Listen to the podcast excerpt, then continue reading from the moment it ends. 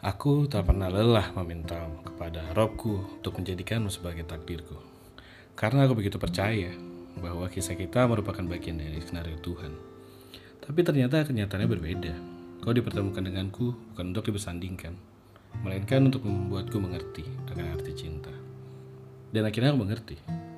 Level tertinggi dari mencintai adalah mengikhlaskan.